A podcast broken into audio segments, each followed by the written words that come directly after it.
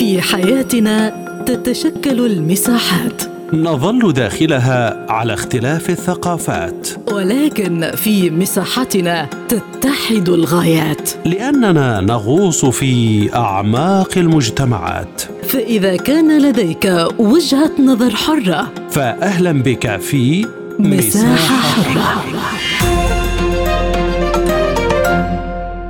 أهلا بكم في هذه الحلقة من مساحة حرة معكم فيها عبد الله حميد.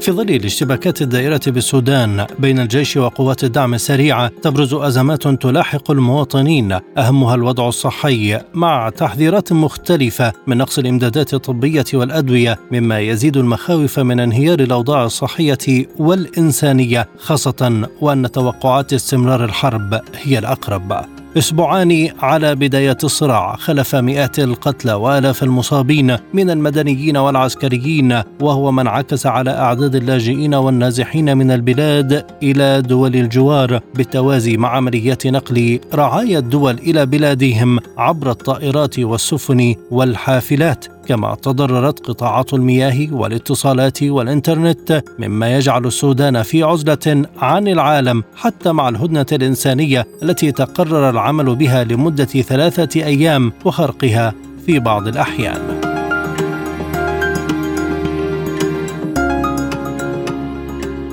حول الأوضاع الصحية والطبية ينضم إلينا المتحدث باسم وزارة الصحة السودانية الدكتور محمد إبراهيم. أهلا بك دكتور.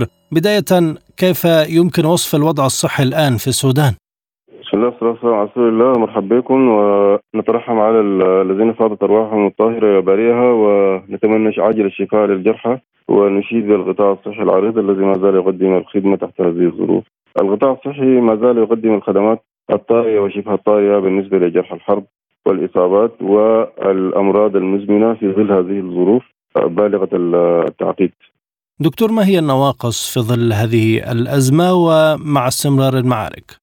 طيب النواقص حسب الترددات الموجودة والمخزون الاستراتيجي للمستهلكات الطبية والصيدلانية والأدوية المنقذة للحياة الحديث عن النواقص الآن آه، غير وارد، نحن نتكلم عن ترددات خلال 13 يوم من الاشتباكات 2169 حالة في جميع مستشفيات ولايه الخرطوم على القطاعين العام والخاص باعتبار إنها المستشفى الولاية التي تشهد هذه الاشتباكات منذ اليوم الأول و 15 4 وحتى آه، فجر اليوم. هذه الترددات تشكل 2% من مجمل الترددات في ايامات السلم. وبالتالي آه، مقارنة هذه الترددات بالترددات العادية الحديث عن نقص المستهلكات هذا حديث آه، غير صحيح. ولكن هنالك صعوبة في توصيل بعض المعينات لبعض المستشفيات التي تمتاز بزيادة التردد نسبة لوجودها بالقرب من مناطق المناطق المتاخمة للاشتباكات.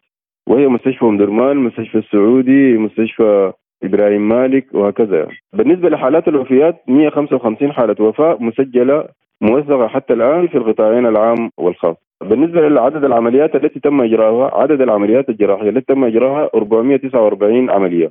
351 عملية في القطاع العام و98 في مستشفيات القطاع الخاص. هذه مقارنة بعدد 3000 عملية في اليوم في الأيامات. في أيامات السلم. مستشفيات الولاية تجري متوسط عمليات في اليوم 3000 عملية في اليوم. اذا هذه الترددات بالنسبة للترددات الطبيعية هي يعني بنسبة 2 إلى 3% فنحن لا نتحدث عن نقص في في المعينات ولكن نتحدث عن صعوبة الحركة في توصيل بعض المعينات إلى إلى إلى بعض المستشفيات.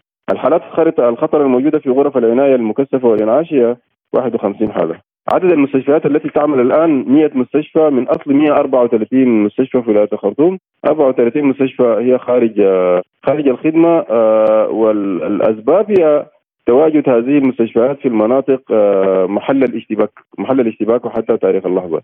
هذه المستشفيات تقع قريبة من القيادة العامة من المطار من القصر الجمهوري من الإذاعة والتلفزيون وهكذا. يعني إذا عدد كبير من العمليات يجريها الأطباء والطواقم الطبية كيف يعملون؟ الآن هذه الخدمات تقدم في مستشفيات تتميز بالأمان النسبي هي مستشفيات طرفية ومستشفيات شبه طرفية المستشفيات اللي كانت في مرمى النار تم تفريغها بالكامل من الطواقم الطبية ومن المرضى اللي كانوا موجودين قبل نشوب الاشتباكات فقط يوجد بها أفراد الأمن التابعين. إلى إلى إلى وزارة الصحة. المستشفيات التي تقدم هذه الخدمة هي مستشفيات بعيدة عن مرمى النار، مستشفيات طرفية ولايه الخرطوم وضع جغرافي تتكون من سبع محليات آه، وتتكون من ثلاث مناطق كبرى بحري والخرطوم وام درمان. هذه الثلاث مناطق كبرى تضم سبع محليات سبع محليات يعني يعني آه، كل محلية يمثلها مدير تنفيذي أو معتمد لهذه المحلية. المستشفيات والمراكز الصحية تتوزع جغرافيا حسب الكتلة السكانية في هذه السبع محليات. وبالتالي نحن عملنا على تفعيل آه هذه المستشفيات وتشغيلها بالطاقه القصوى حتى نتمكن من صد من إكمال النقص الذي حدث بخروج 34 مستشفى من من الخدمات. هي مستشفيات طرفية وشبه طرفية. آمنة تماما وجزء من المستشفيات المركزية البعيدة عن مرمى النار وبالتالي الخدمة الآن تتم في جو في جو يعني آمن دكتور من المفترض أن يوصل الاحتياجات إلى المواقع المخصصة من المستشفيات والمنشآت الطبية؟ الغرفة المركزية. الغرفة المركزية بال بال بطواقم عربات الإسعاف والعربات الناقلة للإمداد الصيدلاني وللإمداد الغذائي لهذه لهذه المناطق. هي الموكل لها توزيع هذه المعينات إلى جميع المستشفيات.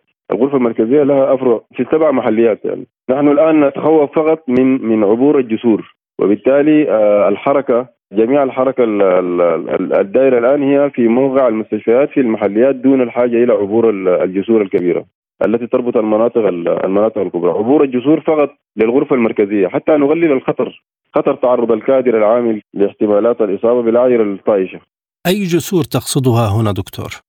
هي جسور الجسور التي تربط بحري بالخرطوم والخرطوم ببحري وأم درمان بالخرطوم وأم درمان ببحري.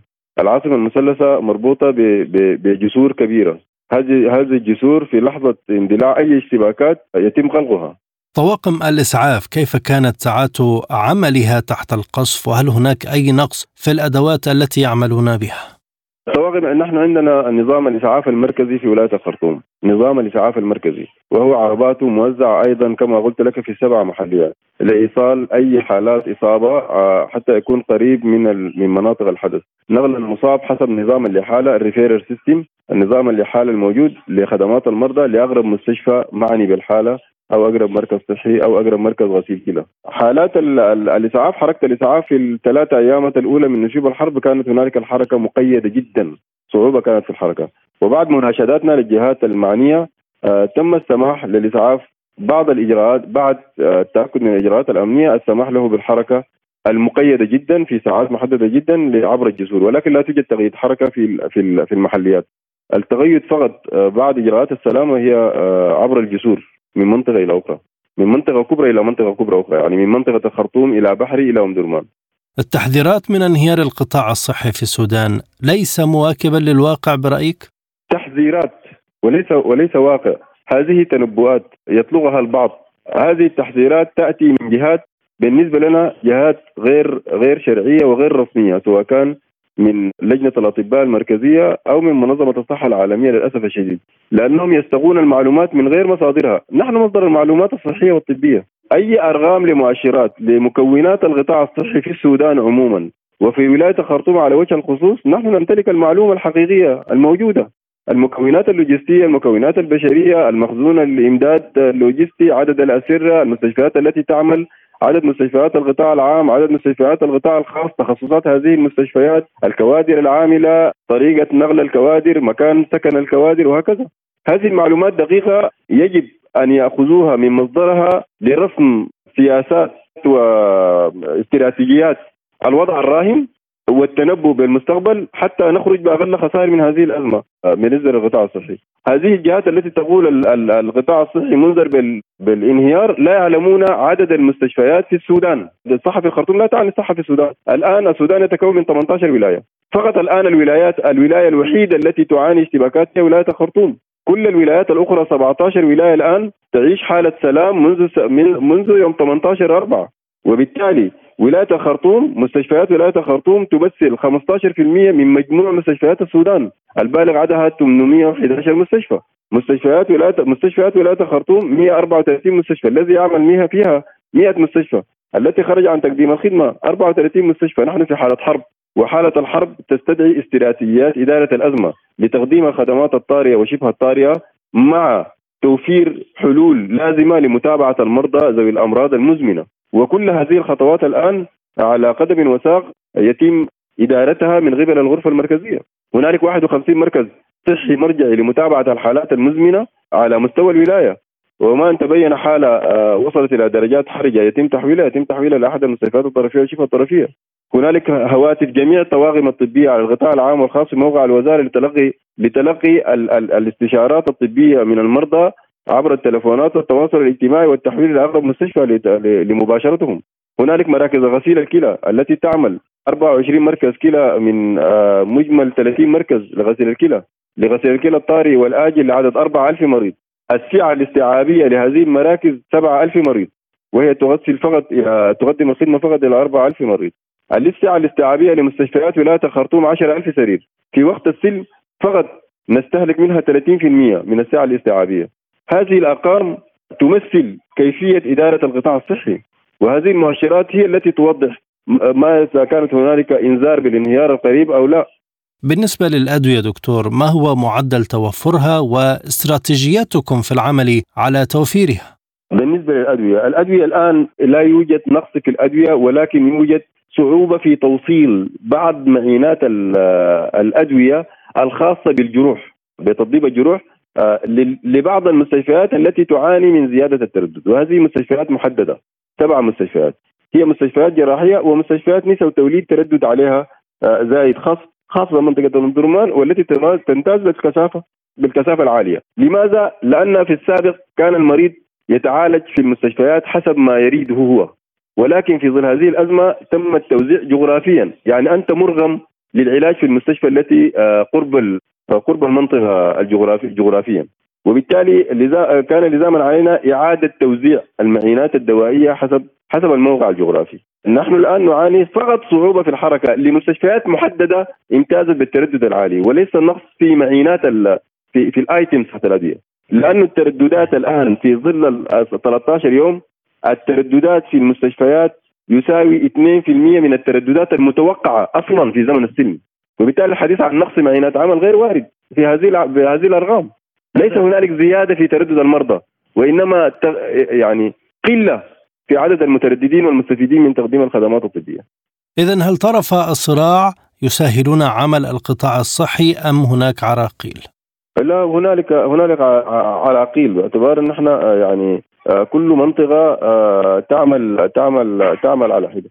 عموما نحن ناشدنا على المستويين الرسمي وال وال وال والشعبي والمحلات والمح والمحليات بالطريقة بالطرق الرسمية مناشدات على على الفريقين بالسماح للإسعاف بالعبور بأمان للسماح بالكوادر الصحية للتحرك بأمان وهكذا. توجد استجابة في بعض المحليات وتنعدم في في حينها ولكن حسب القسم أبو غراض والشرف المهنة كان لزاما على القطاع الصحي التقديم الخدمات في شتى الطرق والمجالات وكان لزاما على الغرفة المركزية توفير درجة من الأمان وعمل الطواقم الطبية في المستشفيات الأكثر امانا.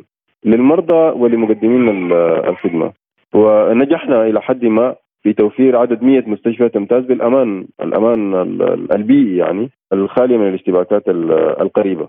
دكتور كيف تصفون الهدنة في البلاد وهل استفدتم منها عمليا؟ كثيرا وإن كان الهدنة آه، هي ليست هدنة 100% حيث كنا نسمع أصوات الاعيره الناريه هنا وهنالك. ولكن تم نقل عدد كبير جدا من معينات العمل للمستشفيات التي تمتاز بالتردد العالي. مستشفيات جراحية ومستشفيات أطفال ومستشفيات نساء والتوليد آه، استفدنا من توفير مخزون مقدر من الأكسجين لبعض المستشفيات التي تمتاز بالتردد العالي وهي سبع مستشفيات من مجمل 100 مستشفى. استفدنا من ترحيل الطواقم الطبية وتبديل الطواقم الطبية في عدد من المستشفيات. الآن يعني استفدنا من توفير مخزون غذائي يكفي يعني لعدد أسبوعين إلى ثلاثة أسابيع في بعض المستشفيات. آه، للكوادر الطبية وللمرضى الذين يتنوموا من من يومين إلى ثلاثة أيام حسب العمليات الجراحية. الآن آه، حسب دراساتنا في الغرفة المركزية الوضع مطمئن إلى حد ما ولكن لا ندري نتنبا بالمستقبل. آه، متى تضع الحرب اوزارها ما هي عدد اعداد الضحايا المتوقعة؟ ربما بالأمس الغريب أو في المستقبل الغريب. نحن ولكن كل السيناريوهات المحتملة موجودة في الحسبان يعني. شكرا جزيلا لك دكتور محمد إبراهيم المتحدث باسم وزارة الصحة السودانية. كنت معنا من الخرطوم. من باريس تنضم إلينا الناشطة الحقوقية السودانية رشيدة شمس الدين. أهلا بك سيدتي وكيف تقرون الوضع الإنساني في السودان الآن؟ آه، مرحبا بك سيدي الكريم ومرحبا بالمستمعين. آه، حقيقة الوضع في السودان وضع كارثي آه، جدا للغاية. الحرب طبعا لها تكلفة عالية جدا يدفعها المواطن السوداني ويعني يدفعها الشعب السوداني جميعا. كل الأحياء وكل المدن السودانية تقريبا تضررت بالحرب وإذا كان تضررا مباشرا مثل ما حدث في الخرطوم و دارفور والنيل الأبيض والأبيض. وكما حصل في الولايات الأخرى من تكدس السكان وانعدام المواد الغذائية وانعدام الأمن والأمان في كل المناطق، يعني يعني بقولوا إن الحرب هي يعني تكلفتها عالية والحرب ليست فوزها يعني. فكل الاشكالات يعني حتى المشاكل البيئية والتكدس الجثث في مناطق مختلفة الكارثة البيئية اللي يعني حتخلفها الاشكالات دي كلها أضف لها طبعا الكارثة الأمنية والقتل يعني هو الدمار الحاصل في البلد عموما هل الوضع في السودان يتحمل هذا الصراع برأيك؟ والله يا سيدي طبعا يعني السودان لديه تاريخ طويل من الحروب يعني عقدين من الحرب بين السودان وجنوب السودان الحركة الشعبية وبعدها يعني حكم الإسلاميين يعني الدكتاتوري الذي جثم على صدر السودانيين لمدة 30 عام. يعني لم يكن فيها البلد ولم يعني لم يكن فيها المواطن ولم تكن فيها البلد من اهتماماتهم. فحتى السيول الأمنية يعني بعد ثورة ديسمبر ولطاحه بالرئيس البشير المخلوع يعني كانت هنالك هشاشة أمنية مستوى اقتصادي متدني تدني فرص عمل يعني غير متوفرة للشباب. فحقيقة يعني الوضع متكامل هو وضع ضعيف جدا هش للغاية فالحرب أصلا جات كملت على الباقي يعني. ففعلا هو الوضع في السودان لا يستحمل يعني. حتى الوضع في السودان كان الضائقه المالية يعني طالت الناس قبل الحرب. آه، التفلت الأمني وانتشار ظاهرة السطو على المنازل والسطو على المواطنين في الشارع الحشاشة الأمنية ويعني آه، اهتمام العسكريين وفي السودان بالسلطة ويعني عدم اهتمامهم للشارع وللأمن. هو يعني في النهاية خلف النتيجة الكارثية دي اللي هي يعني مع الحرب كانت كلها يعني بشكل كارثي على المواطن عشان كده يعني الوضع في السودان والهشاشه الأمنية كما ذكرت لك آه هي يعني أكثر آه يعني كانت أكثر أسباب الدمار اللي حصل مع الحرب ومع ويلات الحروب يعني من المتسبب فيما وصل له الوضع الأمني في السودان؟ سيتحمل ما وصل إليه الوضع الأمني في السودان آه، جنون السلطة من قبل المتحاربين أنفسهم إذا كان الدعم السريع ميليشيات الدعم السريع بقيادة حميتي وإذا كان القوات المسلحة الجيش السوداني الذي للأسف يعني الجيش عموما الجيوش يعني لديها مكانة خاصة للشعوب وهي الحامية ولكن في السودان ما فتح الجيش السوداني يعني يوسع الشقة والهو بينه وبين المواطنين يعني بدايه من ضرب جبال النوبة ودارفور والنيل الأزرق والآن طبع اقسام القياده العامه وكذلك الآن الحرب في الشوارع. يعني الحرب الكلفه العاليه للحرب دي يسددها المواطن يعني حتى يسددها بشكل مباشر في حياته وأمنه واقتصاده وأكله وشرابه ويسددها أيضا في فواتير يعني يدفعها من قبل الضرائب ومن قبل اخذي الضرائب للسلاح لشراء الأسلحة وشراء الاستخدامات يعني تخص الحرب وكذا فالخاسر الأكبر في الموضوع ده كله إنه هو الشارع السوداني هو المواطن السوداني. الآن السودانيين ينزحون إلى دول الجوار إذا كانت مصر إذا كانت إثيوبيا إذا كانت تشاد. الوضع في السودان متفاقم جدا يعني الانفجار الحصل في العاصمة اليوميه يعني أرى شوارع محترقة وبنايات ومؤسسات حكومية بنيات تحتية. الإشكال إنه الحرب يعني كلفتها عالية جدا ومن الصعب إنك تعود لنفس النقطة اللي أنت بديت منها. فعشان كده الخراب اللي بيكون في البلد ده بيدفعوا بيدفع دم المواطن يدفعوا من من من جسده من نفسه من حياته من حريته. آه عملية النزوح نفسها عملية يعني هي مؤلمة جدا يعني آه، كنفسيا وكماديا ومعنويا وجسديا. فالإشكالات دي كلها كان السبب الأول والأخير في الحرب. السبب الأول والأخير فيها يعني آه، تهافت المتحاربين على السلطة. إذا كان الجيش السوداني الذي يحركه الإسلاميين أو إذا كانت الميليشيات الجنجويده التي تحركها مصالح خارجية وتحركها مصالحها أيضا داخل السودان إنه هي كيف تكون هي المسيطرة. بعد أن كانت يعني أصلا هي القوات الجنجويد أصلا أنشئت من قبل المؤتمر الوطني، الجيش كان يفاخر إن المؤتمر إن الميليشيات هي من رحم القوات المسلحة، الآن أعلنت أعلنت عصيانها وتمردها الكامل. يعني حتى القوات المسلحة يعني لا تسيطر عليها ولم تستطيع السيطرة عليها آه، في هذه الحرب المجنونة يعني، فبالتالي الخاسرين آه، هم المواطنين. وكذلك الجيش السوداني باهتزاز مكانته اللي وصلت مرحلة الصفر مع الشارع السوداني. والميليشيات التي في النهاية يعني في عندنا من أول شعارات الثوره في شعار كان بيقول ما في ميليشيا بتحكم دولة يعني وتشير إنه ما ممكن إنك أنت حتى لو بلغت من السلطة ومن المال ومن العتاد الحربي إنك أنت تكون حاكم لجمهورية السودان ذات التاريخ العريض يعني ذات التاريخ في الثورات وذات التاريخ في القضاء على الدكتاتوريات ومحاربة الدكتاتوريات. خمس ثورات يعني من 64 إلى يومنا هذا السودانية ما فتئوا يقومون بثورات ضد الظلم وضد الدكتاتورية بكل الأشكال يعني عمليات النزوح واللاجئين هل تتزايد برأيك بعد الجهود الإقليمية في نقل الرعايا الأجانب واستقبال المواطنين السودانيين؟ طبعا طبعا لم تغيب في عمليات النزوح ولم تغيب يعني هي طبعا مثلا الفكرة ذاتها بتاعت النزوح بتتطلب إنك أنت تكون مهيئ لها ماديا يعني حتى الحركة يعني أنا سمعت يعني كانت هنالك محاولة لأسرتي يعني إنها تخرج من من الخرطوم ولكن التذاكر يعني أصبحت الآن مثلا كانت الأول عبارة عن 50 دولار الآن التذاكر أصبحت 500 دولار. يعني هنالك الكثير جدا من العالقين حتى في المعابر إذا كان معبر ارجين معبر أشكيت في بين السودان ومصر إذا كانت هناك هناك في القلابات بين أثيوبيا وفي تشاد. العالقين نفسهم يعني في ورطة يعني هم خرجوا من الحرب ولكن دخلوا في ورطة. حتى الأمم المتحدة وال UNHCR يعني مفوضية اللاجئين أصبحت تنادي بأنه لازم يكون في يعني اهتمام أكبر باللاجئين العالقين في المعابر الحدودية للخروج مع يعني من من ويلات الحرب. مصر نفسها يعني سوف وبكل أسف يعني سوف يطالها سهم هذه الحرب بالأعداد الهائلة من النازحين. نعم هنالك سودانيين كثر في مصر ولكن كانوا يوفقون أوضاعهم كيفما اتفق يعني. ولكن الآن هؤلاء ناجحين. يعني سوف يكون هناك ضغط على الشارع المصري على الحكومة المصرية. نحن ندري تماما يعني حتى الواقع في مصر يعني مع هذه المشاكل الاقتصادية المعروفة يعني سوف تؤثر يعني على الفارين من الحرب. ما هو دور آه، الذي تقوم به الجهات المختصة في الجانب الإنساني خاصة المنظمات الدولية؟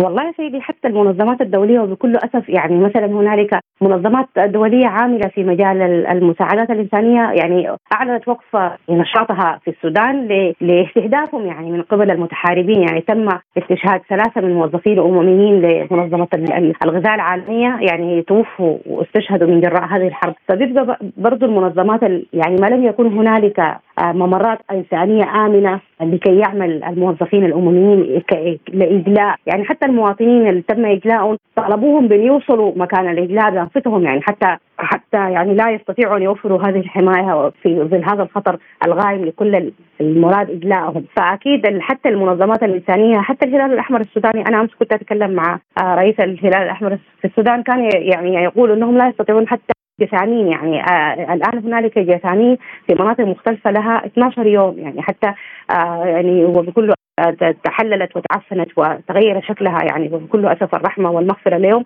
لكن الطبيعي في وضع زي ده إنه يكون في ممرات لإجلاء الموتى قبل الأحياء يعني إجلاء الموتى يعني إكرام الميت دفنه لابد من دفن الجثامين العالقين المستشفيات الآن يعني لا المستشفيات خرجت عن العمل. الأطباء يعني تم استشهاد واستهداف الأطباء استشهاد الطبيب الأخصائي الباطني المعروف أستاذ بشرى ابن عوف. يعني يعني حتى الوضع الصحي يعني سينهار أو اكشولي ينهار. من باريس نشكر الناشطه الحقوقية السودانية رشيدة شمس الدين. وتنضم إلينا الآن من جنيف الناشطة الحقوقية رانيا ماضي. أهلا بك سيدتي. كيف تقيمون إذن عمل المنظمات الدولية والحقوقية في السودان؟ بالنسبة ل يعني طبعا أنا صار لي 22 عام أعمل بهذا المجال. هلأ بالحقيقة للأسف هناك تقصير. يعني ما ممكن أي حدا ينكر هذا الشيء بخصوص السودان. ما بدي أقول انه يعني حتى إنه السودان موقع الاتفاقيات الدولية ولكن للأسف لا تسعى المؤسسات السودانية أو حتى خليني أقول السفارة السودانية إلى لفت النظر لما يجري بالسودان، بالنسبة للجوء طبعا السودان لا تعتبر إنها في حالة حرب ولهذا تكون حالات اللجوء يجب أن تستند إلى بعض يعني ما يؤثر أو يؤدي إلى ضرر على شخصية هذا الفرد الذي يتقدم بطلب اللجوء وعليه إثبات طبعا أن هناك ضرر قد يقع عليه أو على أهله أو على محيطه، فهذه هي الشروط التي تلتزم بها المؤسسات الدولية ولا تعطيها للأسف آه، يعني أي اهتمام خاص بحيث إنه وضع السودان آه، يجب أن يؤدي يعني إلى إنه قبول حالات اللجوء. وخاصة أنه دولة السودان هي من الدول التي وقعت على اتفاقية اللاجئين 1951 لكن الإعلام ينقل يوميا أعداد اللاجئين والنازحين من السودان في ظل الجهود لنقل الرعاية لدولهم. هذا يختلف يعني أنت تقول النازح النازح هو من له دولة ويعود إليها وهذا لا يعتبر لاجئ. يعني أنا كنت في العراق وقت الأزمة وقامت الحكومة السويسرية بتسكيري هذا لا يعتبر أن يحق لي اللجوء.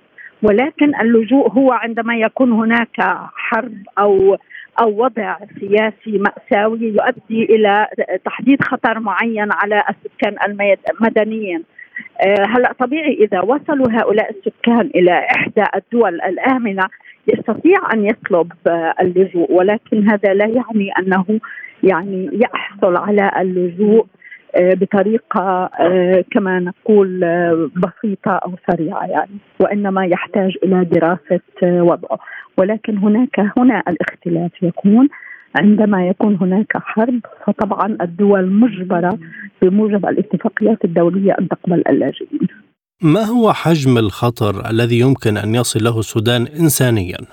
المأساة هي ليست حجم الخطر هي الخطر الذي آه، يعني قد يعاني منه الشخص. هنا نتحدث عن حالات فردية وليس عن حياة عن عن حالات آه، جماعية. ولكن إذا اتفق المجتمع الدولي على أن هناك حاله خطر بوجود هؤلاء الناس يعيشوا بهذه المنطقة هنا الدول مجبرة على قبول اللاجئين كما حصل مع اللاجئين الأوكران. ولكن علينا أن نتذكر أن الأوكران هم أوروبيين وهم قريبين من أوروبا فكان هناك عنصرية في التعامل مع اللاجئ الأوكراني. ليس مثل التعامل مع اي لاجئ آخر. نحن تابعنا عمليات اللجوء طيلة العقد الماضي من جانب مواطني دول فقيرة أو دول عربية، هل سيبقى الأمر بتصورات متضاربة ومختلفة من الج... من المجتمع الدولي وتعاملات بمقاييس ومعايير مختلفة؟